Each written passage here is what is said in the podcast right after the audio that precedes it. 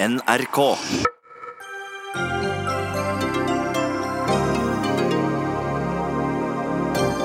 Märtha Louise bruker prinsessetittelen til å tjene penger, med en redaktør som vil frata henne tittelen. Det er en sak mellom kongen og prinsessen, svarer journalist. Klærne våre er fulle av plast, som fort blir mikroplast i naturen. Regjeringa har ingen politikk for plast i tekstiler, kritiserer forsker. Amerikanske kvinner oppfordres til sexstreik i protest mot nye abortlover. Har fungert før, sier Kvinnefronten. Hvorfor skal kvinner nekte seg selv sex, spør psykolog. Og norske homofile renvasker Israels okkupasjonspolitikk, mener muslimsk organisasjon. Hvorfor? De er nemlig altfor begeistret for Eurovision.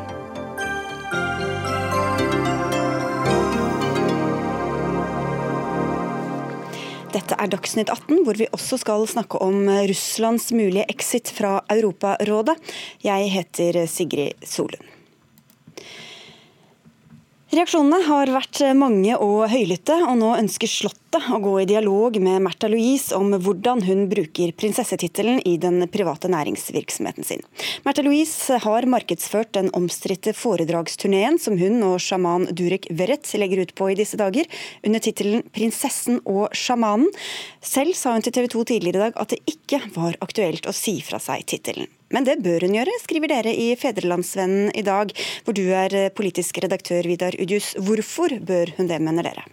Fordi at hun eh, da eh, ikke vil komme i den eh, skvisen som hun nå er i, hvor hun bruker prinsessetittelen aktiv i, i kommersiell markedsføring av, sine aktiviteter. Og Hun må bli glad i den hun vil, hun må bli kjæreste med den hun vil, hun må tro på det hun vil, men hun kan ikke bruke prinsessetittelen etter sitt eget forgodtbefinnende, og iallfall ikke på denne måten her, tenker vi. Og Hun vil gjøre kongehuset og seg selv en, en, en tjeneste, tenker vi, ved å si fra seg den tittelen. Hun er jo født som prinsesse, og hun har jo sagt lagt fra seg tittelen deres, eller hennes kongelige høyhet. Hvorfor er det så fryktelig farlig om hun bare minner folk om at hun er prinsesse i tillegg?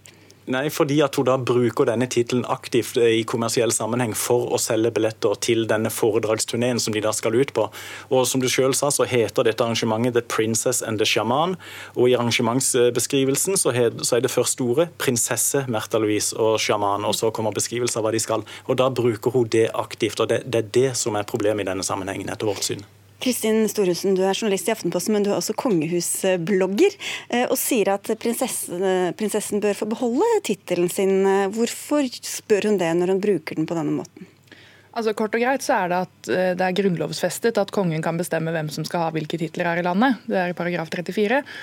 Og da er det kongen Det blir jo en sak mellom kongen og prinsessen hva han vil godkjenne. og det er All den tid vi har en konge, så er det han som kan bestemme det. Og altså, nå, det, er, det er, mye man kan si om den situasjonen og den markedsføringen, men at det har skjedd mye verre ting enn, altså Det skal mye mer til enn det. altså En hardere skvis å komme i før det ville vært aktuelt å vurdere en prinsessetittel, som jo tross alt er noen er født til det som er familien hennes, rett og slett.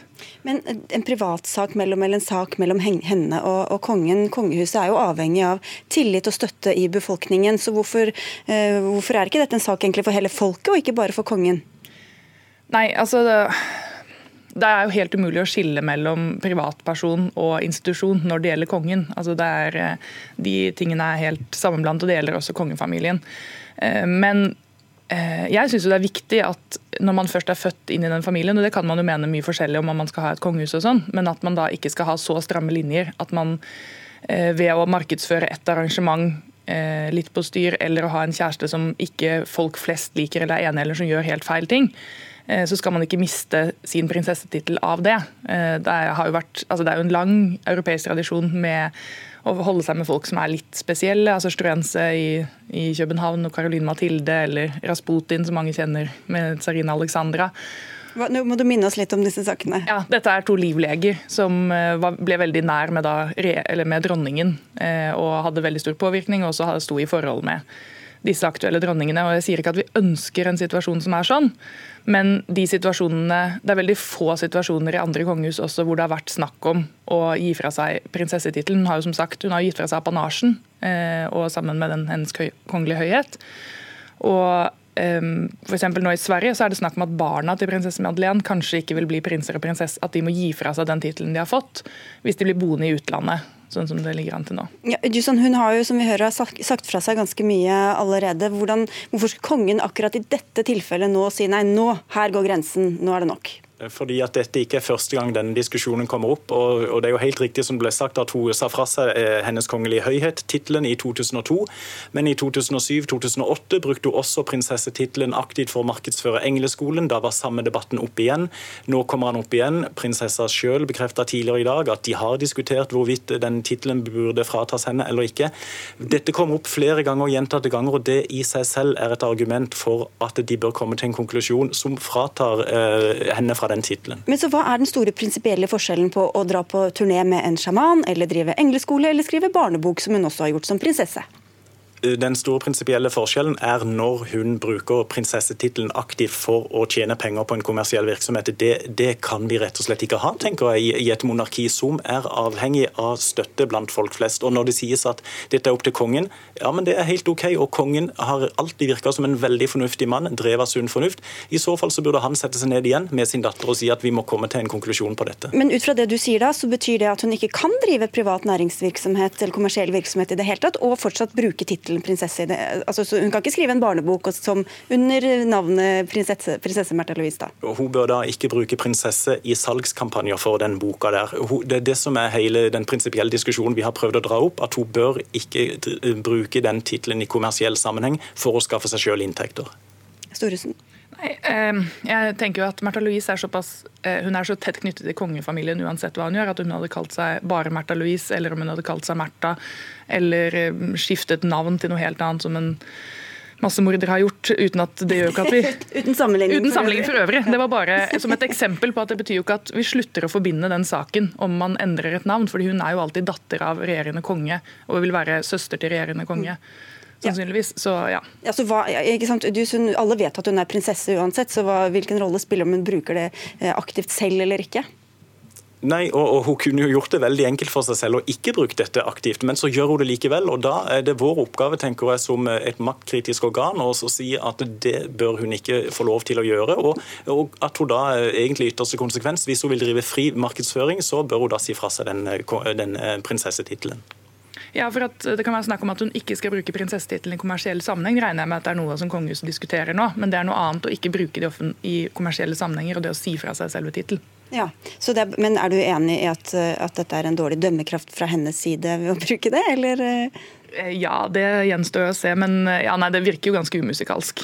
Men til slutt da, Udjus, fordi Hun sa jo selv da hun fikk denne kritikken som, hun, som du er inne på hun har fått tidligere også, at hun er jo prinsesse hele døgnet. Og som Storhusen er inne på, dette, altså I kongehuset så er det ikke sånn eh, privat det ene øyeblikket og, og, og, kongelig det andre øyeblikket. Så hvor lett er det egentlig å skille mellom disse rollene i det hele tatt? Stor, stor respekt for de vanskelige dilemmaene som de står overfor, de som er født inn i den familien der. Men desto viktigere at de forvalter det ansvaret på en, eh, på en forsvarlig måte og en, og en trygg måte. Og det syns jeg ikke prinsessa har gjort i, i denne saken saken her. Da får vi se hva det kommer fram til, om det lekker ut noe fra Slottet når de har hatt møte med Märtha Louise. Takk skal dere ha begge to, Vidar Udjus i Fedrelandsvennen, og til deg, Kristin Storhusen fra Aftenposten, og også kongehusblogger. Dagsnytt 18 alle hverdager klokka 18.00 på NRK P2 og NRK2.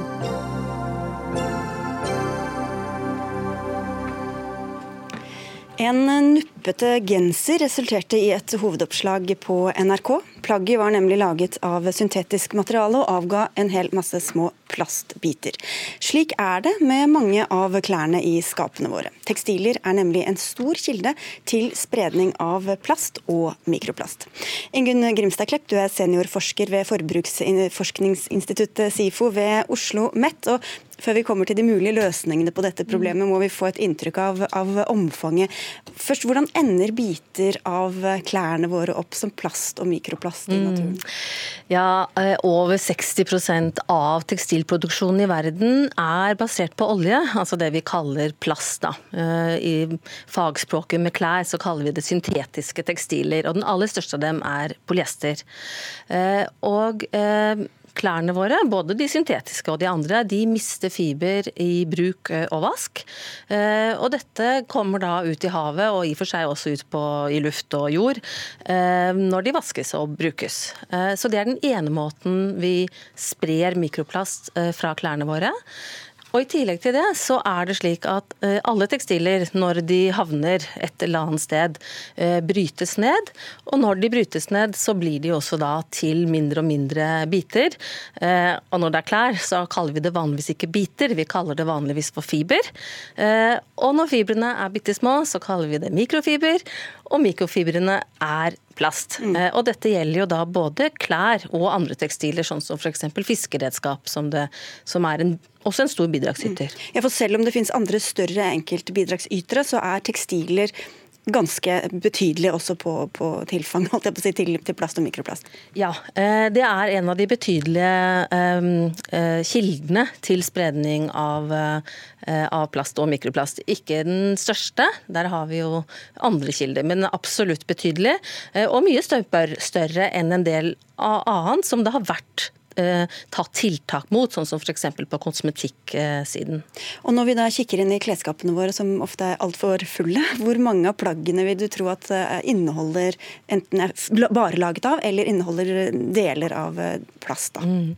Ja, Det skulle vi jo gjerne hatt bedre tall på. Uh, bruken av olje som råvare til klær har virkelig eksplodert de siste 20 årene. Og mer og mer er plast. men Eh, de tallene vi har, er jo på verdensbasis. Når det gjelder norske klesskap, er det jo vanskelig å telle. Og det spørs jo også da hvordan vi teller. Fordi vi har de rene syntetiske klærne, og så har vi den store mengden som har 10 og 20% og 30% osv. Og så er det sånn at regjeringa har snakket mye om plastforsøpling de siste årene. Hvor opptatt eh, virker det etter ditt syn som om de har vært av denne problemstillinga? Ja, jeg ser jo at eh, klær og tekstiler stort sett faller ut eh, av diskusjoner om miljø på veldig mange områder. Eh, og sånn har det vært så lenge jeg, de 25 årene jeg jobbet med klær og miljø.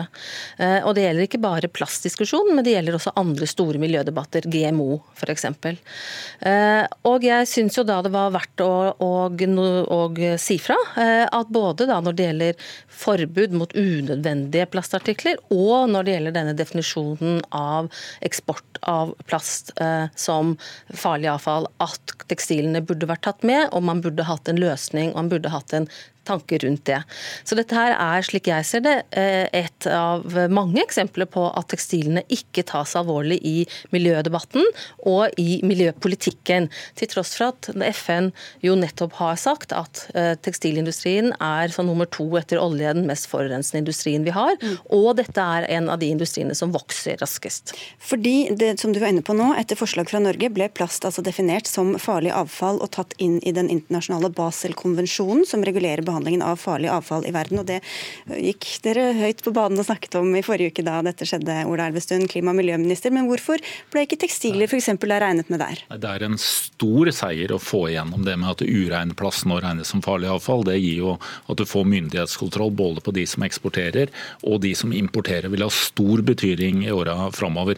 Men så er jo dette en avtale med over 180 land som du skal forhandle frem. Her har vi fått det til på rekordtid. Skal vi da i tillegg ha ha tatt med tekstiler som i dag er definert som produkter, også og inn i en ny definisjon, så tror jeg ikke vi hadde klart å få til en avtale der vi er nå. Men Er du enig at dette ikke er noe som har vært veldig på banen og høyt i bevisstheten også fra politisk hold? Nei, Fra vår side så er det det. Vi har jo en innsats mot mikroplast. og Da er det riktig, da er det jo de største kildene i Norge. Det er fra bildekk, og så er det kunstgressbaner. Der jobber vi jo med kunstgressbaner med å få til eh, nye forskrifter, og også på bildekk. Og så har vi også tiltak inn mot, eh, inn mot eh, plast fra tekstiler, men der har vårt initiativ vært inn i EU, hvor vi samarbeider med flere andre land for å få på plass krav om at du har eh, mikroplastfilter i vaskemaskiner. Og har fått et svar fra EU-kommisjonen, men vi mener de sier at dette skal du få i løpet av fem år. Det syns vi er lenge, men det er det initiativet som vi har.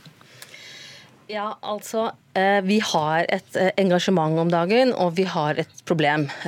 Og filter fra vaskemaskiner, det er fint at det jobbes med teknologi. Men eh, først skal dette utvikles, så skal vaskemaskinene eh, få dette filteret. Og så, eh, ikke sant? Dette her er langt, langt lerret å bleke.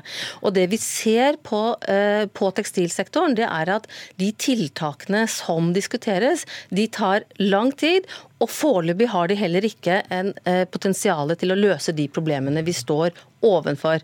Og de problemene vi står overfor, er jo først og fremst at veksten i eh, produksjonen er så stor, og dermed også veksten i problemene. Men vi må gjøre mange ting samtidig, så vi må gjøre de viktige tingene som tar lang tid også. For det gir en effekt over hele Europa. Og gjør Europa dette, så blir det gjerne hele verden som får det som standard. Men, ja, det Men vi har også satt i gang et samarbeid med bransjen. Vi kan komme tilbake til bransjen etterpå. Først og fremst å få ombruk av tekstiler. Ja, vi tar, men det er helt etterpå, klart at vi trenger å gjøre mer på dette. Ok, Veldig kort klipp før vi går videre her. Mm. Ja, eh, altså Vi snakker om løsninger som det tar lang tid å, å utvikle. Eh, og jeg syns jo selvfølgelig det er kjempefint at dette plastdefinisjonen har kommet på plass. Altså all honnør for det. Og jeg skjønner jo også at det er en seier, ikke bare nasjonalt, men internasjonalt. Men det går jo an å snakke om også hva man da på sikt prøver å få med. Og jeg syns at tekstilene burde vært tatt med i diskusjonen og sagt at, at man man ikke fikk det til nå, men at det kan komme videre. Men eh, i likhet med holdt opp å si andre ting, så hender det også at vi eksporterer vårt eget plastproblem til andre land. Rosa Frid, du er informasjonsansvarlig i U-landshjelp fra folk til folk, UFF i kort form, som sikkert mange har sett eh, merket deres på mange innsamlingsbokser over det ganske land. Det Mesteparten av klærne dere får inn, sendes til sorteringsanlegg i Øst-Europa og selges der. Omtrent en fjerdedel selges billig i afrikanske land, og så er det noe som, som gjenvinnes. Og Du sier at dere har også bedt om retningslinjer fra myndighetene i, i, mange, i mange, år. Hva har responsen ja, vi, vært da? Vi har holdt på med å forsøke å komme i dialog med myndighetene eh, på dette på lenge. Fordi eh, vi ser at dette er en tikkende bombe. Eh, nå snakker jeg ikke bare om plasten, fordi vi, jeg tror vi har litt forskjellige tall på hvor, hvor, mye mikroplast som stammer fra tekstilene. Jeg har rapporten fra Miljødirektoratet fra 2017 her, og da sier den at det er mellom 2,5 og 4% som stammer fra tekstilene, mot bildekk 57. Så, så liksom for satt det litt i perspektiv, eh, sånn at folk også forstår eh, viktigheten av dette. Vi sier ikke at det ikke er viktig, men, Nei, men det er andre ting som også er viktig. Vi sier at det er andre ting som er en tikkende bombe. Og det er at Vi har en, vi, tenker, vi snakker om sirkulærøkonomien, og vi har en missing link. Vi mangler et ledd for å kunne få eh, eh resirkulerte fibre tilbake inn i nye produkter. Denne teknologien er ikke god nok. Den har ikke stor nok kapasitet. Eh, og det er heller ikke insentiver til bransjen til å få den utviklet. Og når EU i januar 2025 Eh, skal ha eh, etablert separat tekstilinnsamling for alle sine innbyggere, så kommer det altså to millioner tonn tekstiler ut på markedet. Og da vil alle de gode systemene som vi har for ombruk og gjenvinning i dag, bryte sammen. Og dette har vi forsøkt å komme i dialog med deg om mange ganger, uten å komme igjennom. Så nå håper jeg liksom at vi kan få i gang eh, kjempebra Klepp, at du har kommet og startet debatten. Men den er ikke bare mikroplast, den er mye større. Og det er det, og tekstilindustrien står for hva er det 8 eller sånt av klimagassutslippene i, i, hele verden. Så her er det jo enorme summer, selv om, og selv på plast, selv om det er små prosentandeler, så er det jo enorme mengder plast også, Elvestuen. Ja, og De største negative miljøkonsekvenser har du jo når du lager eh, klærne. Det må vi også huske på. det der også utslippene er. Så dette handler om både om å redusere forbruk og en bevissthet om det. Hvilke, hvilke klær man også kjøper. Og så må vi jo vi Det er avfallssystemer. Men hvor har dere vært, hører vi fra UFR. Hvor har dere vært når de har prøvd å få kontakt med andre? Det er andre også som sier at de, i disse artiklene på NRK at de har prøvd å, å, å, løfte denne problemstillingen, som også Klepp sier, med at myndighetene har vært litt fraværende. Det, det jeg sier, det vi har gjort, er det vi har jobbet inn mot EU, som vi har jobbet der. Vi har vært inn mot bransjen på det som handler om ombruk. Og så jobber jo jeg med det som er en stor sak om, om sirkulær økonomi, som skal til Stortinget til neste år, hvor dette også vil være et av de temaene. For dette handler om bedre avfallssystemer, det er det jo her, og håndtering av, av tekstiler. Det vil være her, og det vil være internasjonalt. Vi har jo også noen bistandsprogrammer med 400 millioner for å få dette. Men så handler det om hvordan vi skal få denne, disse råstoffene til å gjenbrukes på en god måte. Men, det kreves det Dere vil på begge to, men jeg skal bare si til med noen forslag til hvordan dette skal gjøres. For vi har lang fartstid, vi har mange erfaringer som dere ikke ikke har, og vi kan gi dere. Og Da skal du få eh, komme på etterpå, men skal til deg også, Ivar eh, Horneland Christensen. Du er administrerende direktør i eh, arbeidsgiverorganisasjonen Virke, som altså organiserer bedrifter innenfor handel og tjenestenæring. Og Hvordan opplyser butikkene om miljøavtrykk og potensielt plastinnhold i klærne de selger? Jeg vil jo si Det at det vi opplever hos våre medlemmer, er at det er, eh, bransjen er bevisst på dette her og har gjort flere tiltak, og kommer da til å jobbe videre med det. Eh, og jeg vil si det at eh, Man er jo ikke fornøyd egentlig før man kan få egentlig et sirkulært kretsløp. Eh, og flere av bedriftene går nå i front på dette. De har både forskningsprosjekter på det, de ønsker å på en måte være med på det grønne skiftet. Og Det blir ikke noe grønt skifte uten at handelen faktisk Nei. er med. Men til det jeg spurte om deg, hvordan, hvordan, opplyser de som jobber i butikken om at bare så du vet det, dette plagget du kjøper nå, det kommer til å avgi en hel masse mikroplast? Jeg vil vel si det sånn at De som står i butikken i dag, de selger jo de produktene de gjør. Og de opplysningsgreiene som er knyttet til klærne, er jo det vi alle kjenner til. Eh, og, og her er det jo både forbruker Eh, forbrukeren selv som må gjøre ting. Og så kan du si at hvis ikke du får verdikjedene til, til eh, hele klesbransjen da, til å henge sammen, Eh, så får du heller ikke de valgene som forbrukeren må kunne ta. Så Det handler egentlig om å få hele det til å henge sammen. Men forbrukeren har jo selv et, et ansvar for å sette seg inn i dette. Og butikkene er i ferd med å gjøre en del ting på dette, men man er langt fra i mål. Mm, så uh, egentlig så, ja, Det er klart at forbrukerne har et ansvar, men ut fra det du sier, så er det vel egentlig ingen som opplyser om noen verdens ting, da? Nei, det vil jeg ikke si. Men jeg vil si det at hvis du ser nå f.eks. et eksempel som Bergans. De har altså gjennomførte 10 000 reparasjoner. Der øker bruktsalget, som er et av poengene at ting faktisk brukes lenger. Eh, de er med i et forskningsprosjekt nå hvor de ser på hvordan de kan begrense spredningen av mikroplast. Dette bruker de aktivt, og de ønsker på en måte å bli assosiert med dette fordi de ønsker å faktisk være med og bidra. Så Det er et eksempel på hvordan man eh, da posisjonerer seg for det som kommer. Kleppe, hva slags ansvar tar de? Ja, nå snakkes det mye her. For det første, Forbrukere kan ikke ta et ansvar når de ikke får informasjon. Sånn at her er det, det, det er helt grunnleggende. Så å, å, peke på forbrukerne her er, er, er veldig veldig vanskelig på et marked med så mye juks og fanteri og så lite eh, informasjon som, som, finnes. Så det vil jeg virkelig avvise. Når det gjelder dette med denne drømmen om det sirkulære, eh, så er det eh, bransjens svar.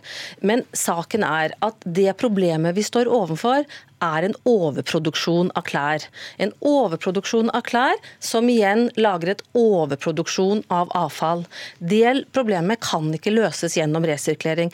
Det er masse forskning i verden på å prøve å finne, eh, finne måter å resirkulere klær på. Vi har ikke teknologi enda. Og den teknologien er kjempevanskelig av det enkle eh, eh, grunnen av at å resirkulere noe som både er organisk, som er plast, som er metall, og som er full av kjemikalier som ikke er merket, marked, er kjempevanskelig. For Hvis jeg går på butikken så ser jeg at dette er laget av resirkulert plast, så tenker jeg at det kan jeg i hvert fall kjøpe med god samvittighet. Men her tar det du fram meg all altså. Nei. Nei. Det er bare, eh, bare en måte å selge mer på. Ja. Men jeg vil jo si det, det blir litt for enkelt, syns jeg, å ta hele denne bransjen og si det at uh, bransjen har et ensidig ansvar for å opplyse forbrukeren. Jeg tror man må ta med seg at det er jo lange verdikjeder som går over flere landegrenser her. I dag er handel noe internasjonal. Det er ikke sånn at uh, det er bare butikker, det er òg nettløsninger her. Så det er mange sider av dette her. Og Da syns jeg man skal erkjenne at den eneste måten at vi klarer å løse dette på, det er jo at bransjen sammen med myndighetene jobber sånn at vi får til de sirkulære og bærekraftige bærekraftige forretningsmodellene. Det er den eneste løsningen som vi må ha til. Og Da er det det vi må jobbe med. Og det å si at det bare er en informasjonselement som mangler her, det blir for enkelt. Men hvor lenge kan vi fortsette med å, å dra og selge ikke at det er bare bransjen Nei. som skal løse problemet. Jeg syns jo myndighetene er de som virkelig bør på banen. Ja, De pekte vi på først. Men bare til Kristensen, hvor lenge kan vi holde på med dette å gå og kjøpe klær til 49 kroner som vi henger i skapet, kanskje aldri bruker? Og, og, og både fra forbrukerhold, men også fra bransjehold, at man på en måte pusher ut disse den mengden med klær som vi, som vi, ser eh, er i dag? Ja, nei, altså Hvor lenge vi kan bruke, hvor lenge vi holder på med det, det kan ikke jeg svare på. Men jeg kan fortelle deg følgende, at bransjen er opptatt av det. Og noen tall her. Det er 11 eh, økning i besøkstallene da på finn.no i forhold til gjenbruk. Det er 30% av befolkningen som handler brukt. Da tjener det, ikke dere penger?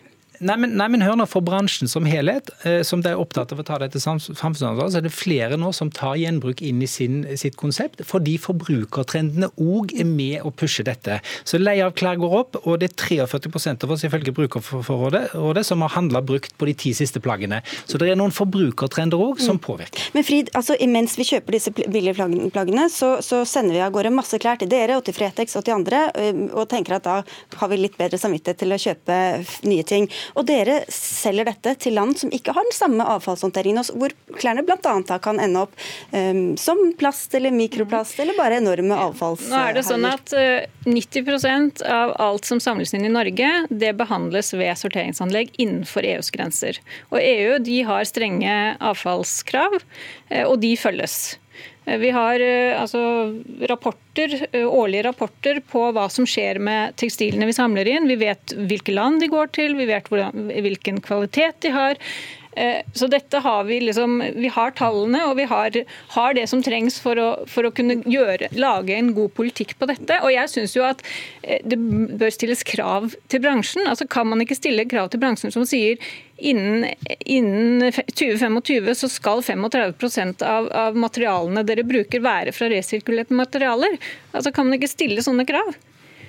Dette er grunnen til at vi da lager en strategi for sirkulær økonomi. For det, vi har jo tre store problemer. Det er klimagassutslipp, det er tap av natur, men det er også at vi overforbruker ressurser i verden dramatisk. Så du må jo ha en situasjon hvor vi forbruker mindre, og må klare å håndtere det. Vi må gjenbruke, og vi må klare å håndtere det som er avfall. Vi har det samme systemet som resten av Europa, og vi jobber også internasjonalt med avfallssystemer. Jeg tror det er viktig at vi ser helhet i dette. Derfor har vi med, sammen med LO nå faktisk gått til regjeringen og sagt at vi vil ha et ekspertutvalg for å se på dette med sirkulærøkonomi. For vi må øke kunnskapen om det, og vi må se på helheten i det. For det er ikke ett enkelt tiltak, det er faktisk bredden i det. Det er vi nødt til å få på plass. Og så vil bransjen ta sin del av dette ansvaret. Klepp. Ja, altså, Å si at dette er et angrep på bransjen er jo litt pussig, da. Eh, altså, Det er klart det at de endringene vi må, må, få på plass, det er jo at det produseres og selges færre klær i verden. Så Det hjelper ikke med sirkulærøkonomi? Nei, det hjelper ikke med sirkulærøkonomi. Eh, slik at vi trenger eh, tiltak som handler om avfallsforebygging, og vi trenger tiltak som gjør at klærne igjen blir bedre og varer lengre. Og vi trenger tiltak som gjør at forbrukere blir i stand til å velge en bukse som de kan ha i ti år og ikke i ett år. Og Det er jo slike tiltak som virkelig kan monne. Dette med å sende tingene rundt omkring i verden for å, å lage nye ting av dem om og om igjen, det er altså en idé om sirkularitet. Men det er, og det er klart at, dette, altså at det er viktig å ta vare på ressurser, men når vi har en overproduksjon, så må vi få produksjonen ned okay. på et anstendig nivå. Veldig kort, Kristensen. Altså, jeg mener at uh, Sirkulærøkonomi handler jo om da har du ikke avfall, da har du ressurser. og Da må du endre de verdikjedene. og Dere etterlyste teknologi i forhold til å gjøre ting. Det er nettopp derfor vi må gi inn og se hvordan vi kan få dette sirkulært. Få ned ressursbruken og få sirkulær, sirkularitet i hele kjeden. Og så er det jo ikke alle bare helt til slutt her, Klepp, som har råd til sånne kjempedyre klær som vi vet at skal vare lenge. Og vi har også hørt at bomull er ikke bra å kjøpe. Ull er også litt sånn tvilsomt. Hva skal man, hva skal man se etter når man skal gå på butikken og kjøpe seg et nytt plagg? Alle ressurser koster det noe for miljøet å produsere. Uansett om vi snakker om uh, syntetiske ting eller om vi snakker om bomull. Det som er et godt råd, det er å kjøpe og bruke de materialene som egner seg for det plagget eller den tingen man skal bruke. Uh, slik at det er uh, denne diskusjonen som veldig mye nå handler om at det ene er bedre enn det andre på materialsiden den er en avsporing. Fibrene utgjør en veldig liten andel av miljøbelastningen i et, klar, i et plagg. og Derfor så er også resirkulerte materialer ikke løsningen på utfordringen. For de løser f.eks. ikke kjemikaliebruken i produksjonen. Vi må avslutte der. Det var sikkert noen som ikke var 100 enig i det siste innlegget her, men vi får si tusen takk til dere alle fire for at dere kom. Rosa Frid fra Uff, Ingunn Gremstad Klepp fra SIFO ved Oslo OsloMet, klima- og miljøminister Ola Elvestuen og Ivar Horneland Christensen fra Virke.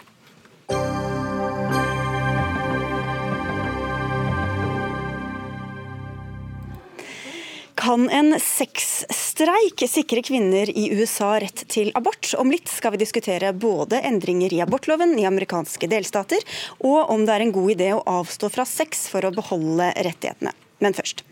I dag og i morgen holder Europarådet møte i Helsingfors i et siste forsøk på å hindre at Russland forlater organisasjonen. Da Russland tok Krim fra Ukraina i 2014, ble russerne fratatt stemmerett i Europarådet, slik at de verken fikk styre organisasjonen eller velge dommere til Den europeiske menneskerettighetsdomstolen i Strasbourg. De svarte bl.a. med å slutte å betale den årlige medlemskontingenten på 320 millioner kroner. Europarådets generalsekretær Torbjørn Jagland har omtalt situasjonen som ruxit, russisk exit, og like alvorlig som brexit. Jette Christensen, stortingsrepresentant for Arbeiderpartiet og medlem av Europarådets parlamentarikerforsamling. Hva tror du kan bli konsekvensene for Europarådet hvis Russland nå forsvinner helt ut? Hvis Russland forsvinner ut, så frykter jeg hvem som blir med. Eh, hvis den døra åpner seg, så kan Polen eh, spasere ut etterpå, Ungarn. Eh, vi risikerer å sitte igjen med en klubb med land som syns de selv er veldig snille, som kjefter på andre land. Det er vi ikke tjent med. Hvis Russland går ut av Europarådet, så står Europarådet overfor å bli noe annet enn det det var ment å være. Europarådet er jo til for å ta vare på menneskers rettigheter, ikke politikers rettigheter til å undertrykke dem. Og Derfor så er det avgjørende viktig at så mange millioner russere får lov til å gå til Den europeiske menneskerettighetsdomstolen. Fordi det er det dette handler om å verne russere. Det handler ikke om eh, å stille opp for Russland. Men Hva blir Russland nå tilbudt for å bli værende?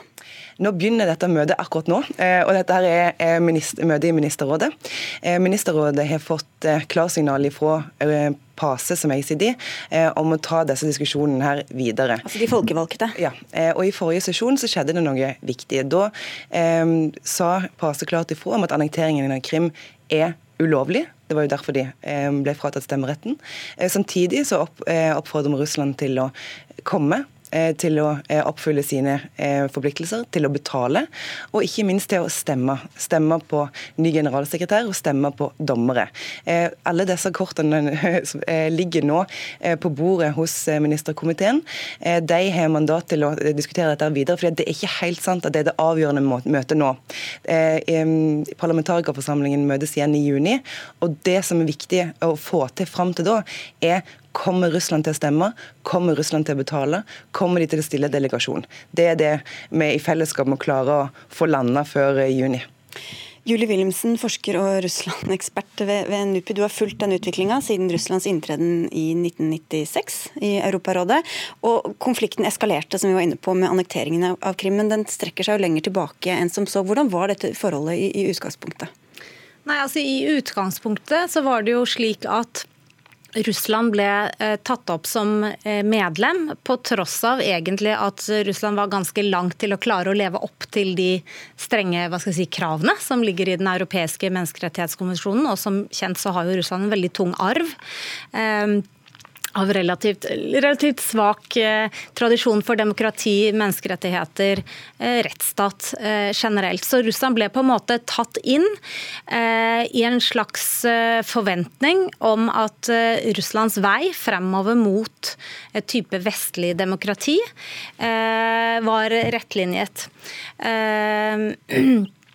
Og så eh, viste det seg jo egentlig ganske fort og spesielt med krigen i Tsjetsjenia, den andre krigen i Tsjetsjenia fra 1999, at um, Russlands uh, hadde enorme problemer med å leve opp til den europeiske menneskerettighetskonvensjonen og alle de kravene som ligger der. Og Russland har jo veldig veldig mange dommer mot seg. Jeg tror det er noe sånn som 2500 dommer mot seg, og veldig mange av dem dreier seg jo om menneskerettighetsbrudd fra den andre eh, Tsjetsjenia-krigen. Men allikevel så fortsatte man en, en lang stund å eh, allikevel tenke at vi holder eh, Russland innenfor, for det Russland på en måte vil lære. Eh, og mange av oss syntes jo at eh, reaksjonen mot eh, menneskerettighetsbruddene under andre Tsjetsjenia-krig var veldig veldig milde, og syntes, og syntes på en måte at Europarådet mistet sin kraft da fordi de ikke påtalte det strengere og ikke, tok, ikke, ikke, handlet mot Russland. Mens i den senere tid så, så, har det jo blitt slik at for det første har Russland blitt, hva skal jeg si, fått mye mer selvtillit. Og de sier selv at europeiske land driver med en slags dobbeltmoral, og at de, de straffer Russland mye hardere enn alle andre. Og at Europarådet blir brukt som en slags sånn skammeklubb da, for, å, for å henge ut Russland. Sånn at ja, Det er en eh, broket historie, for å si det sånn. Det var et langt spørsmål, eller et veldig åpent spørsmål. Men Kristensen, um, nå sier du at alle kort ligger på bordet. Er det en slags innrømmelse av at denne avgjørelsen fra 2014 ikke var så god? Om å ta ifra de stemmeretten, ja. tenker du på? Eh, det å være tilbakeskuende det er litt vanskelig. fordi at det, det er ikke det veldig lett, egentlig? Være klokk? eh, jo, det er veldig behagelig, eh, men det er ikke alltid så lurt. Altså, eh, når man sto i den situasjonen at Krim ble annektert etter den lange rekke menneskerettighetsbrudd man allerede hadde, så tror jeg eh, eh PACE tenkte at nå må vi komme med en eller annen form for reaksjon. Eh, særlig sett i lys av det du sier. Men det å ta ifra de stemmeretten uten å definere hva det betyr, uten å definere hva det vil si for medlemskap videre, for betaling videre, Eh, og ikke minst hva det vil si for beskyttelsen av russiske borgere, som jo det som er det viktigste her. Det er derfor Europarådet er der. Det tror jeg ikke var en helt perfekt måte å gjøre det på. Mm. Eh, og så nå står vi der vi står. Europarådet angrer jo ikke på at eh, de mente at annekteringen av Krim var ulovlig, for det var det.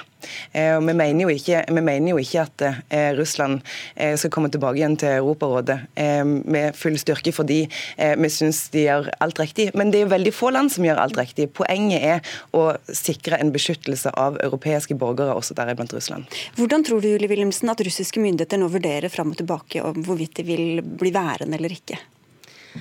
Um, Nei, jeg, jeg, tror på en måte at de ønsker å bli værende. det at den tilknytningen til Europa tross alt er eh, veldig viktig. Og for Russland så er, eller dagens russiske lederskap er det alltid veldig viktig å sitte eh, i disse institusjonene og ha en plass eh, som den stormakten de ser seg for, som den europeiske stormakten de ser seg som. På, eh, så på den siden så, så, vil det være veldig viktig for Russland å bli værende.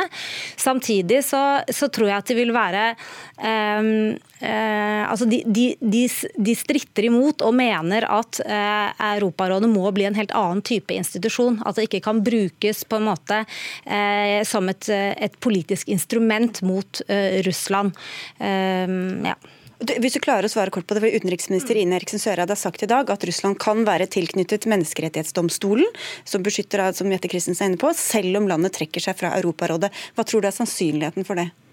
Jeg syns det høres litt usannsynlig ut. for Det er klart at det det innebærer å være del av eh, domstolen, vil jo si at Russland vil fortsette å få alle disse dommene mot seg hele tiden. Hvor de må eh, på en måte betale bøter, og er de som ser dårlig ut, da, sett fra den russiske ledelsens eh, eh, side. Så jeg kan ikke tenke meg at de vil, vil, gå inn for det uten at de samtidig får den politiske innflytelsen det innebærer å sitte i de andre institusjonene. Menneskerettighetsdomstolen høster sin legitimitet i at de som blir dømt av den, velger den. Derfor må Russland være med med full, med full, bredde for å sikre beskyttelse av eh, europeiske borgere og det Europa, den verdensorden vi kjenner etter andre verdenskrig, nemlig et eh, Europa som kjemper for demokrati og menneskerettigheter. Da er det noen uker til vi får eh, svaret. Tusen takk skal dere ha begge to, Julie Wilhelmsen og Jette Christensen.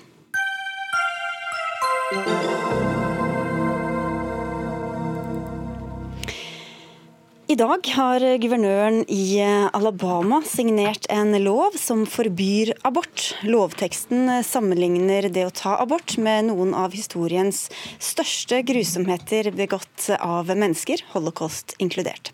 Flere andre amerikanske delstater har også vedtatt abortinnskjerpelser den siste tida. Sofie Høgestøl, du er lektor ved juridisk fakultet i Universitetet i Oslo og har studert juss bl.a. i USA. Og det er jo juss dette i stor grad handler om. Før vi dukker ned i den, kan du ikke bare si litt om reaksjonene som har vært eh, den, det siste døgnet nå i USA? Altså Reaksjonene har jo vært så sterke at vi sitter og snakker om det i studio her. Mm. Eh, og det sier jo litt. Eh, man har jo sett de kjente skikkelsene i demokratiske partier komme sterkt ut i dag dag for at dette her er å undergrave kvinners grunnlovsfestet rett til abort. Men det som kanskje har overrasket meg mest, det er at det har vært en del konservative stemmer som også har vært ute og, og kritisert loven for kanskje å gå for langt. Deriblant en som heter Pat Robertson, som er en sånn veldig kjent TV-evangelist i i USA. Og Han har også sagt at denne loven er kanskje for ekstrem, og hvis man ønsker å oversnu denne høyesterettsdommen Roe versus Wade, så er kanskje ikke dette veien å gå. Vi, kan, vi skal komme til denne, til denne um, saken som du nevner, som altså er fra 1973. Vi har et veldig opplyst publikum i Dagsnytt 18, men det er ikke sikkert at alle har den helt fremst i pannebrasken. Så kan du ikke bare uh, fortelle hva det, hva det gikk ut på? Så Før 1973 uh, så, så, var det ikke noe sentral abortlovgivning i USA. Og Det er litt det, det som er viktig når vi snakker om juss i USA, at det er to nivåer. Det er delstatsnivået, og så er det det føderale nivået. Uh, så Før 1973 så var det delstatene selv som måtte bestemme hvilken type abortlovgivning de ville ha. Men det som skjedde i 1973 det var at eh, det var en abortlov i Texas som ligner veldig på den loven som Alabama nå har innført, som kriminaliserte abort, som ble klagd innenfor Høyesterett. Det var en kvinne som ikke da fikk eh, tilgang til abort, som rett og slett gikk til rettens vei og sa at dette her er en brudd på mine rettigheter. Eh, og Da gikk Høyesterett inn i det spørsmålet i 1973, og da gjorde de noe som var ganske kontroversielt. Og det var at De tolket inn i den amerikanske grunnloven, um, inn i the 14th Amendment, så tolket de inn at personer har rett til privatliv. Og den retten til privatlivet medfører for kvinner at de har rett til selvbestemt abort innenfor tre måneder. Mm. Så det, står ikke noe sted spesifikt at dette gjelder abort? Det er en tolkning Nei, som Høyesterett har gjort? Jeg har grunnloven med meg, amerikansk grunnlov med meg i, i studio i dag. uh, og Hvis vi ser den setningen som vi har tolket dette inn i, da, så står, står det i den setningen at Nor shall any state deprive any person of life, liberty or property without due process of law ingenting om abort, og så ingenting om rettigheten til privatliv heller. Så dette var veldig kontroversielt da det skjedde. Senatet i Alabama, som også stemte med 25 eh, stemmer, mange har sett bilde av disse hvite mennene eh, i dag, eh, mot seks for lovforslaget der det altså gjøres straffbart å avslutte en graviditet uansett årsak og uansett tidspunkt. Selv ikke når graviditeten skyldes voldtekt eller incest skal dette være lov. Hvordan kom dette lovforslaget i det hele tatt opp på bordet? Det er jo det vi ser nå, at nå har en del eh, Det har jo vært sånne lovforslag tidligere i USA, det må vi jo bare si. Det har jo vært forsøk på dette før. Eh, men det som har endret seg nå, det er jo at før jul så ble det jo et konservativt flertall i Høyesterett. Og hva mener jeg når jeg sier at en konservativ dommer? Det kan bety forskjellige ting, men en av de tingene det ofte betyr, det er at det er dommere som liker å tolke Grunnloven mye mer ordrett. De er mye mer konservative i sin tolkning av amerikanske grunnloven. Og Da ser en del stater, inklusiv Alabama, at dette er tiden til å prøve å få oversnudd, eller få opphevet Roe versus Wade. For det Roe versus Wade gjorde, det var at delstater før kunne velge selv, så sa Roe versus Wade at alle delstater må tillate abort inntil tre måneder. Så det er ikke snakk om at det skal bli et lovforbud på, på statlig nivå mot, mot abort? Nei, det, det, altså hvis, den, hvis, den, blir opphevet, så er jo resultatet da at stater igjen kan bestemme helt fritt selv. Og Det du vil se i praksis da, det er at New York for eksempel, vil, vil beholde sine ganske vide abortregler, mens Alabama da eh, ikke vil ha abortmuligheter for kvinner. Så USA vil bli et enda mer splittet land juridisk sånn sett. Men hvor, Hva er da problemet, hvis man bare kan reise over grensa og ta abort der? Ja, altså, Det man ser i praksis, det er jo at eh, de kvinnene som ofte trenger, altså, som ofte virkelig eh, trenger uh, tilgang til selvbestemt abort, de har ikke midler til å reise over landegrenser. Det er jo det vi har sett i Europa, f.eks. i Irland, som også hadde et abortforbud. der, var det jo mange kvinner som hadde ressurs, var ressurssterke nok til å reise til England, men det var ikke noe alle kvinner kunne gjøre. Og, det, og USA er et veldig stort land, det er 300 millioner mennesker, eh, og det er stort land, altså sånn rent arealmessig. Og det er ikke alle kvinner som vil ha ressurser til å, til å reise til en annen stat og betale penger for dette, for det koster jo ganske mye penger også. Men du sa at dette har vært forsøkt også, eller det har vært lempet på i flere andre stater. Hvordan har de kunnet innskrenke mulighetene så lenge den dommen fortsatt står? Ja, så det som egentlig har skjedd da, er at man har prøvd, altså Delstater har prøvd å tøye litt grensene. De har sagt OK, vi må tillate abort, men da legger vi på et ekstrakrav om at f.eks. de som utfører abort, de må i praksis være kirurger. De må ha kirurgkompetanse. Og Det betyr jo i praksis at det er veldig få abortklinikker som er i USA, som kan utføre aborter. da, ikke sant? Og så, så tar man det til Høyesterett, så ser man hva sier Høyesterett da. Og Siden 1992 så har jo Høyesterett vært med på sånne småinnskrenkninger egentlig i Roe versus Wade. Bare helt kjempekort hvis du klarer det på slutten her. Hva skal til for at Høyesterett nå uh, tar opp dette spørsmålet på nytt? da? Jeg tror at uh, Høyesterett fort vil kan, kanskje si nei til denne loven, her, for den er så klart, så klart ekspansiv. Men det er jo mange andre abortlover som er på vei til Høyesterett i USA. og da er spørsmålet, Kommer de til å ta flere av disse sakene opp, og kommer det i realiteten da til å innskrenke abort altså betraktelig for de kvinner det gjelder? Takk skal du ha, Sofie Høgestøl. Vi må videre her, fordi alle disse forslagene fra disse ulike statene om å endre, eller da først og fremst stramme inn abortloven har ført til høylytte protester, og til en litt overraskende aksjon. På Twitter oppfordrer skuespiller og metoo-aktivist Alyssa Milano kvinner til å si nei til sex i protest mot abortlovene. Vær med å droppe sex inntil vi får kroppslig selvstendighet. Jeg oppfordrer til sexstreik, skrev altså Milano. Og denne protesten støtter du, Katrine Linn Christiansen, du er styremedlem i Kvinnefronten. Hvorfor kan sexstreik, som det kalles, da være et virkemiddel? Altså, jeg jeg støtter det. Jeg forstår hvor det kommer fra. og Jeg kjenner fortvilelsen til amerikanske kvinner og den situasjonen de er i. Og en måte å vise motstand på er jo nettopp en type sexstreik. Å ta kontroll over sin egen kropp. Og fordi uavhengig om hvem du er sammen med, om det er en veldig pro-choice-mann, så bor du i Alabama, så får du ikke ta abort uansett hvor hyggelig han fyren er. Så det er jo en måte å signalisere at vi tar kontrollen tilbake.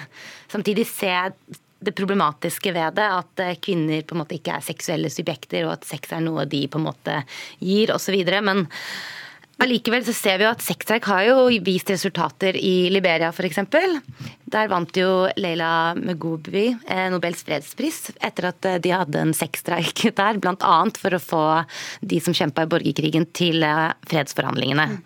Og det var, så det var jo en vellykket sexstreik, for å kalle det det. Men selvfølgelig så er det jo vi, vi, kan, vi kan, la ja. motdebattanten din få komme med innvendingene, så du slipper å debattere mot deg selv. Psykolog Sissel Fjelltun, du, du, var raskt ute med å si at dette var ikke noe god idé med denne sexstreiken. Hvorfor ikke? Jeg syns jo hele begrepet streik rundt sex er litt merkelig, for det impliserer at uh, mannen er kvinnens arbeidsgiver, og så skal man på en måte i felles så skal vi streike mot liksom, menn totalt og slutte å legge ned denne jobben. Og Hvis sex oppleves som en jobb i utgangspunktet, så tenker jeg at da bør man kanskje uansett slutte med det. det liksom ikke... da er det kanskje feil forhold? ja, jeg tenker, tenker, det. Og det her er jo et, altså, Jeg leste jo det her mest som et stunt, og det Alice Milano har sagt i ettertid, har jo på en måte styrka litt det, at det er mer egnet til å skape oppmerksomhet en endring. Det sa jo også nobelprisvinneren i et intervju jeg fant, at uh, når man man sier over sexlek, da får man oppmerksomhet. Mm. Så, sånn sett er det jo veldig vellykka. Og det har jo, som vi hørte, fungert før. Det kan spores helt tilbake til over 400 år før Kristus, gjennom oppføringen av Lysistrata, som du har skrevet av Aristofanes i antikkens Hellas, som også handler om en kvinne som oppfordrer sine medsøstre til å, til å ligge unna sex før mennene deres sørger for fred. Kristiansen. Så, så, så lenge, hvis det virker, da er det greit? Altså, det, jo, det, kan jo virke, men det kommer selvfølgelig an på konteksten. og Hvis det er et uh, krav som mange, alle kvinner er enige om, ikke alle, men mange nok, og at det er en konkret og kortsiktig løsning på problemet. Mm. Og det er det jo ikke i USA akkurat nå. Så det er klart det er vanskelig å forene kvinner rundt en sånn type streik når det er såpass dype splittelser. Og så En ting er jo dette med arbeidsgiverforholdet som vi var inne på her, men også de nekter seg jo også seg selv eh, denne sexen. Så hva slags syn er det på kvinnelig seksualitet? Jo, det er klart at det er jo problematisk problematisk eh, syn på kvinners seksualitet. Men samtidig så er det jo menn som Menn må også komme på banen og ta litt ansvar da, og se sitt ansvar i det. Altså Det er ingen eh, ufrivillig graviditet som har blitt til uten at en mann har eh, bidratt på et eller annet vis. Og hvis han ikke kan ta en del av det ansvaret og skjønne at han også må backe kvinner og støtte kvinner i deres kamp, så ja, da syns jeg han fortjener en sexstreik. Jeg tenker at um, altså, jeg vet ikke om streik er rett ord, men man kan jo vurdere eventuelt seksuell boikott eller noe. Eller hvis du på en måte har en partner som kommer hjem og sier at i dag har jeg stemt for å innskrenke abortrettighetene dine, så vil jo jeg ha sterkt revurdert hvordan, om dette forholdet hadde livets rett. Så jeg tenker at man kan, bør jo ha den samtalen med partneren sin, særlig når man ser det skje mange steder. Og så i Norge har vi hatt en høring om abortloven i dag. Så, så vil du altså, velg heller den typen som blir med på demonstrasjon, da. Finn noen som skjønner at dine rettigheter er viktig. Det er jo, altså, jeg, skulle si, jeg tror ikke menn er imot kvinners seksuelle frigjøring som helhet, selv om en gjeng republikanske mannfolk er det.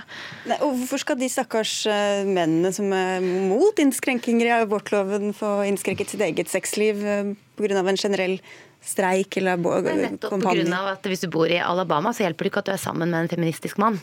Da får du ikke ta denne aborten. Og i Alabama nå, med den nye loven, så betyr det jo at hvis du f.eks. har en, har en spontanabort da, og har blødninger og må på sykehus, så kan jo ikke de vite f.eks. om det er en provosert abort eller ikke. Mm. Altså Man kan risikere fengselsstraff da, eller andre Det er legene som risikerer fengselsstraff, hvis jeg får et nikk fra Sofie Høgstøl her, ja, i, i, i denne, i denne lovgivningen. Jeg leser Lisa Milano sin kronikk at det også var kvinner som kunne risikere okay. fengselsstraff. Det har jo skjedd i andre land. ikke sant? At, spontan, ja, at spontanaborter har ført til at man blir straffeforfulgt. Og da begynner det å bli ganske sprøtt. Da tenker jeg at det å komme seg at uh, da, da, begynner man å bli ganske desperat, tenker jeg. Ja, sånn som I El Salvador sitter det jo mange kvinner i fengsel nettopp pga. det. Og det er jo den veien de er i ferd med å gå nå. Så det med sexstreik det er jo på en måte et slags desperat forsøk da, for å få fokus på dette. Og det støtter jeg jo. Det er vel neppe noen som sjekker om de lar være å ha sex eller ikke, i Fjelltun. Så det er stor sånn fare ved den Nei, streiken, er det vel neppe? Aksjoner mot streikebrytere, jeg ser det liksom ikke helt for meg. Men jeg tenker at det med, det med frihet, autonomi og selvbestemmelse er veldig viktig. Hvis en kvinne på en måte har lyst til å, til å uttrykke det på denne måten og tenker at dette, dette, er noe jeg vil gjøre, så vil jeg støtte henne i det. Men jeg vil kanskje oppfordre til å gjøre alle de andre tingene også, og ta oss møte opp. Og det er ganske få kvinner som blir valgt inn i Alabama. Stille til valg. Ja kvinner trenger å gjøre eller barna. Ja. Hvordan tror du denne kampanjen, eller hvordan slår den an? Det vet jeg ikke, men det er klart at USA har Vet ikke du alt? Nei. Uh, USA har jo Jeg har ikke så mye kompetanse i dette feltet, føler jeg. Men uh, sex får jo mye mer oppmerksomhet i USA, føler jeg. Sånn generelt sett. Så det er klart at dette får jo Det at vi sitter her og snakker om det i Norge, viser at dette har jo fått en del oppmerksomhet bare å snakke om det. Og det, det er klart at det, det, det er Jeg tror sjelsettende for mange å se at utelukkende menn egentlig har vedtatt en lov i Senatet i Alabama. Eh, men det viser jo at Alabama er en av de eh, statene i USA med minst kvinneandel i politisk ledelse. Dette, det må, altså, dette er jo en av de tingene som man kan, man kan endre på ved stille til valg. Vi får bare vente og se om ni måneder hvordan fødselstallene blir, om det har fungert eller ikke. Men så sier vi tusen takk til dere alle tre, Sofie Høgestøl, til deg Katrine Lind Kristiansen fra Kvinnefronten, og til psykolog Sissel Fjelltun. Hør Dagsnytt 18 når du vil. Radio NRK Radio.nrk.no.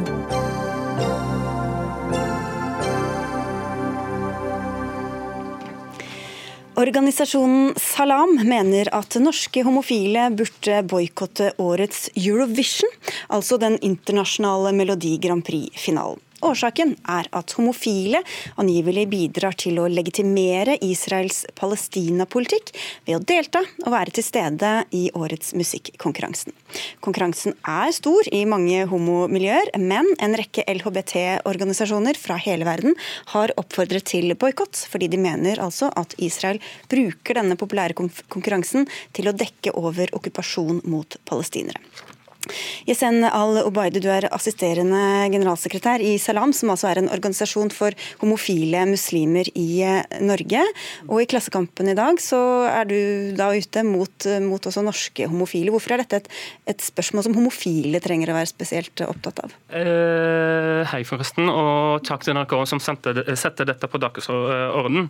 Nei, jeg mener at det er viktig at vi ikke bidrar til å uh, hjelpe Israel legge lokk eh, på realitetene på bakken eh, i Palestina. Altså, vi hjelper og bidrar til at eh, altså legge lokk på at Israel er aktiv deltaker i flere pågående kriger.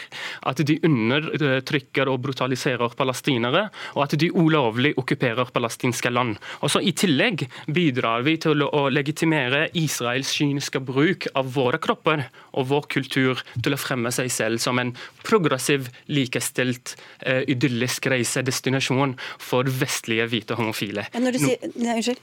Ja, Du sier våre, da mener du altså homofile, eh, og sier at de bruker eh, LHBT, altså homofile, lesbiske, transpersoner osv. bevisst, og driver med rosavasking. Hvordan ja, gjør de det? Nettopp. Dette kaller vi for roska, uh, rosavasking. Fordi eh, Hvis du ser eh, på Brand Israel, har i, i årrekke spyttet millioner av dollar i, i nettopp eh, dette for å fremstille Israel som noe de ikke er. Samtidig som de skyter skeive palestinere på grensen. Eller når skeive palestinere krysser muren for å være i Tel Aviv for å få oppleve eh, homokultur, blir de arrestert, og så presser Israel dem til å bli informanter for Israel. Og hvis ikke de gjør det Fordi at de blir behandlet dårlig på palestinsk side, da, eller? Ja, altså, hvorfor, hvorfor, blir, hvorfor, blir, palestinske homofile behandlet altså Blir de behandlet annerledes enn andre palestinere, tenker du? Av, av eh, nei, også, også de, når de reiser til Israel, ja. det er fordi nettopp Israel fremstiller seg som en eh, heven for eh, homofile. Så palestin, eh, skeive palestinere drar til, eh, til, Tel Aviv for å få opplevd denne kulturen. Men det som skjer, at når de er papirløse og is, israelsk politi arresterer dem, så legger de press på dem eh, for å bli informanter innad i Vestbredden. Og når skeive palestinere nekter dette, da trues de med at familien skal få vite det, at Hamas skal få vite det, og så Fatah skal få vite det. Og det har faktisk skjedd nå. Al-Qaus-organisasjonen, altså LHBT-organisasjonen, har flere ganger meldt om. Okay. Og det syns jeg vi ikke skal legitimere. Det, for det er ikke greit at vi er med og hjelper til slik på denne måten. Morten Thomassen, du er leder av den norske Melodi Grand Prix-klubben og er med oss fra Tel Aviv. At homofile heier og fester det bidrar jo til å tegne et progressivt og liberalt bilde av Israel. Så hvor riktig vil du si at det bildet er? Altså, Vi drar jo dit Eurovision er uansett hvor det er i verden. Vi har vært i Russland og vi har vært i Aserbajdsjan også, andre land hvor homofile ikke har det like greit. Så vi drar til det landet som arrangerer fordi det arrangeres der, ikke fordi at det er det landet som arrangerer. Så, og vi er her for musikken og ikke pga. vår seksuelle legning, egentlig. Men er du enig i at LHBT-bevegelsen blir brukt av Israel for å rosavaske seg, da, som vi hører her i studio? Altså Alle land som arrangerer Eurovision driver jo og vasker seg pent før vi skal vise fram for hele Europa. De viser de fine naturbildene, de viser de glade og trivelige menneskene som har det fint i landet sitt. Så det er ikke noe spesielt at Israel gjør det, det gjør de alle land som arrangerer. Vi, vi har sett masse flotte naturbilder fra hele Europa fra de arrangørlandene vi har sett de siste årene. Så det, Israel er ikke spesiell på den måten. Mm. Kan man ikke bare feste og kose seg med musikken og kulturen uten å ta det politiske allarbeidet? Også, for det første, jeg vil bare kommentere det han sa. At uh, ja, det har vært eh, arrangert i Aserbajdsjan og det har vært arrangert i Russland. Men det som er spesielt med Israel, at verken Aserbajdsjan eller Russland fremstiller seg selv som en homoparadis. Ikke sant? Stikk motsatt. De er, anti, de er homofobiske. Og den kritikken som kom på den tiden til uh, den norske Eurovision, er at de er nettopp eh, homofobe. Men her er det annerledes. Her er de eh, ikke sant? De, de, fremstiller seg selv som noe progressivt når det ikke er. Og, og, og, ja, for all del, man skal kose seg. Man skal høre på musikk, men man skal være også litt kritisk til hva, hva vi er med og legitimerer. F.eks. det Jon ikke nevner, at eh, mellomslagene i, i, i, Eurovision så vises det eh, videoer som eh, skal representere landene som kommer nest. Og Mange av disse filmene er filmet på okkupert land. På Gulanhøyden og på Vestbredden. Så det er ikke bare musikk, det er masse politikk. Og det er nettopp det Jon gjorde. Han lot seg bli brukt som en politisk reklameplakat for Israel. Ja, Morten uh, Thomassen, uh, hvordan kan dere i det hele tatt altså Det er jo politikk i, i, Melodi Grand Prix, det har det vel vært i alle år. Hvordan kan dere bare se bort fra, fra alt, alt, det politiske? Nei, Det er ikke lett. Jeg kjenner jo det. Jeg har en større klump i halsen nå enn jeg hadde liksom i fjor når vi var i Portugal. Det var liksom easy-peasy. Nå er det litt mer sånn alvor. og Det, det er rart å høre at det ikke mange mil unna så sitter det folk som ikke har det så veldig bra. Men uh, vi er her pga. musikken, vi er ikke her pga. Eh, det landet som arrangerer. Og, uh, ja, det er spesielt, men vi, jeg syns det er litt fint å ha noen bobler der vi kan være upolitisk og feire Europas fest sammen. Og så får vi heller de andre som syns det er viktig, ta det politiske, som er absolutt viktig at noen tar. Så for, for dere er det ingen kriterier eller noen grenser for hvilke land dere ville dratt til for å feire? Det er jo opp til hver en, en selv om de vil. Det, det, er mange som ikke har dratt dit. Det er mye mindre fans her i Israel enn det vanligvis bruker å være. så det er helt åpenbart det er en del som har valgt å holde seg hjemme pga. at arrangørlandet heter Israel. Så det er en del som har tatt standpunkt, og det syns jeg er bra. Det, man skal gjøre det samvittigheten tilsier.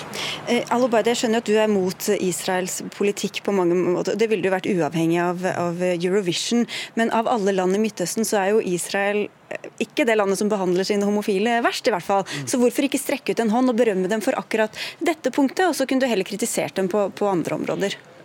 Jeg mener oppriktig at den eh, homovennligheten i Israel er mer propaganda enn realitet eller noe ekte eller genuint ønske om å gi skeive rettighetene. De har vel rettigheter der som ikke de har i noen tilsvarende altså i eh, Det er stort sett bare Tel Aviv som er veldig liberal og, og homovennlig.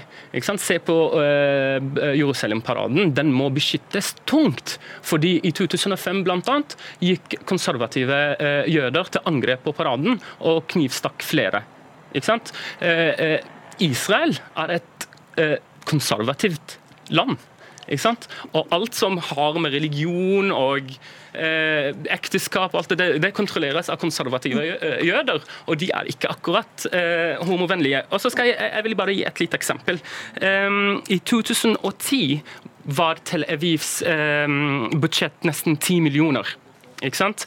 Eh, ja? Ja, vi har bare veldig dårlig tid nå. ja, og I 2016 satte Tel Aviv tre millioner bare for å promotere én event. og Det, er Tel Aviv Pride, hvor det var ti ganger uh, mer enn en det uh, LHBT-organisasjoner får i Israel. i det hele tatt. Så, så sitter du med en Palestina-T-skjorte. Det er sikkert mange som tenker at de har det i hvert fall bedre i Israel enn de har det i Palestina. Men det betyr ikke at det rettferdiggjør det Israel gjør mot palestinske skeive. Det er en hersketeknikk. det var et spørsmål, da. Ja. Takk skal du ha, i hvert fall til Yesen Al-Obaide fra Salam, og takk til Morten Thomassen, som er leder i Melodi Grand Prix-klubben. Ansvarlig for sendinga var Jaran Ree Mikkelsen, teknisk ansvarlig Marianne Myrhol. Jeg heter Sigrid Solund og ønsker en fin kveld videre.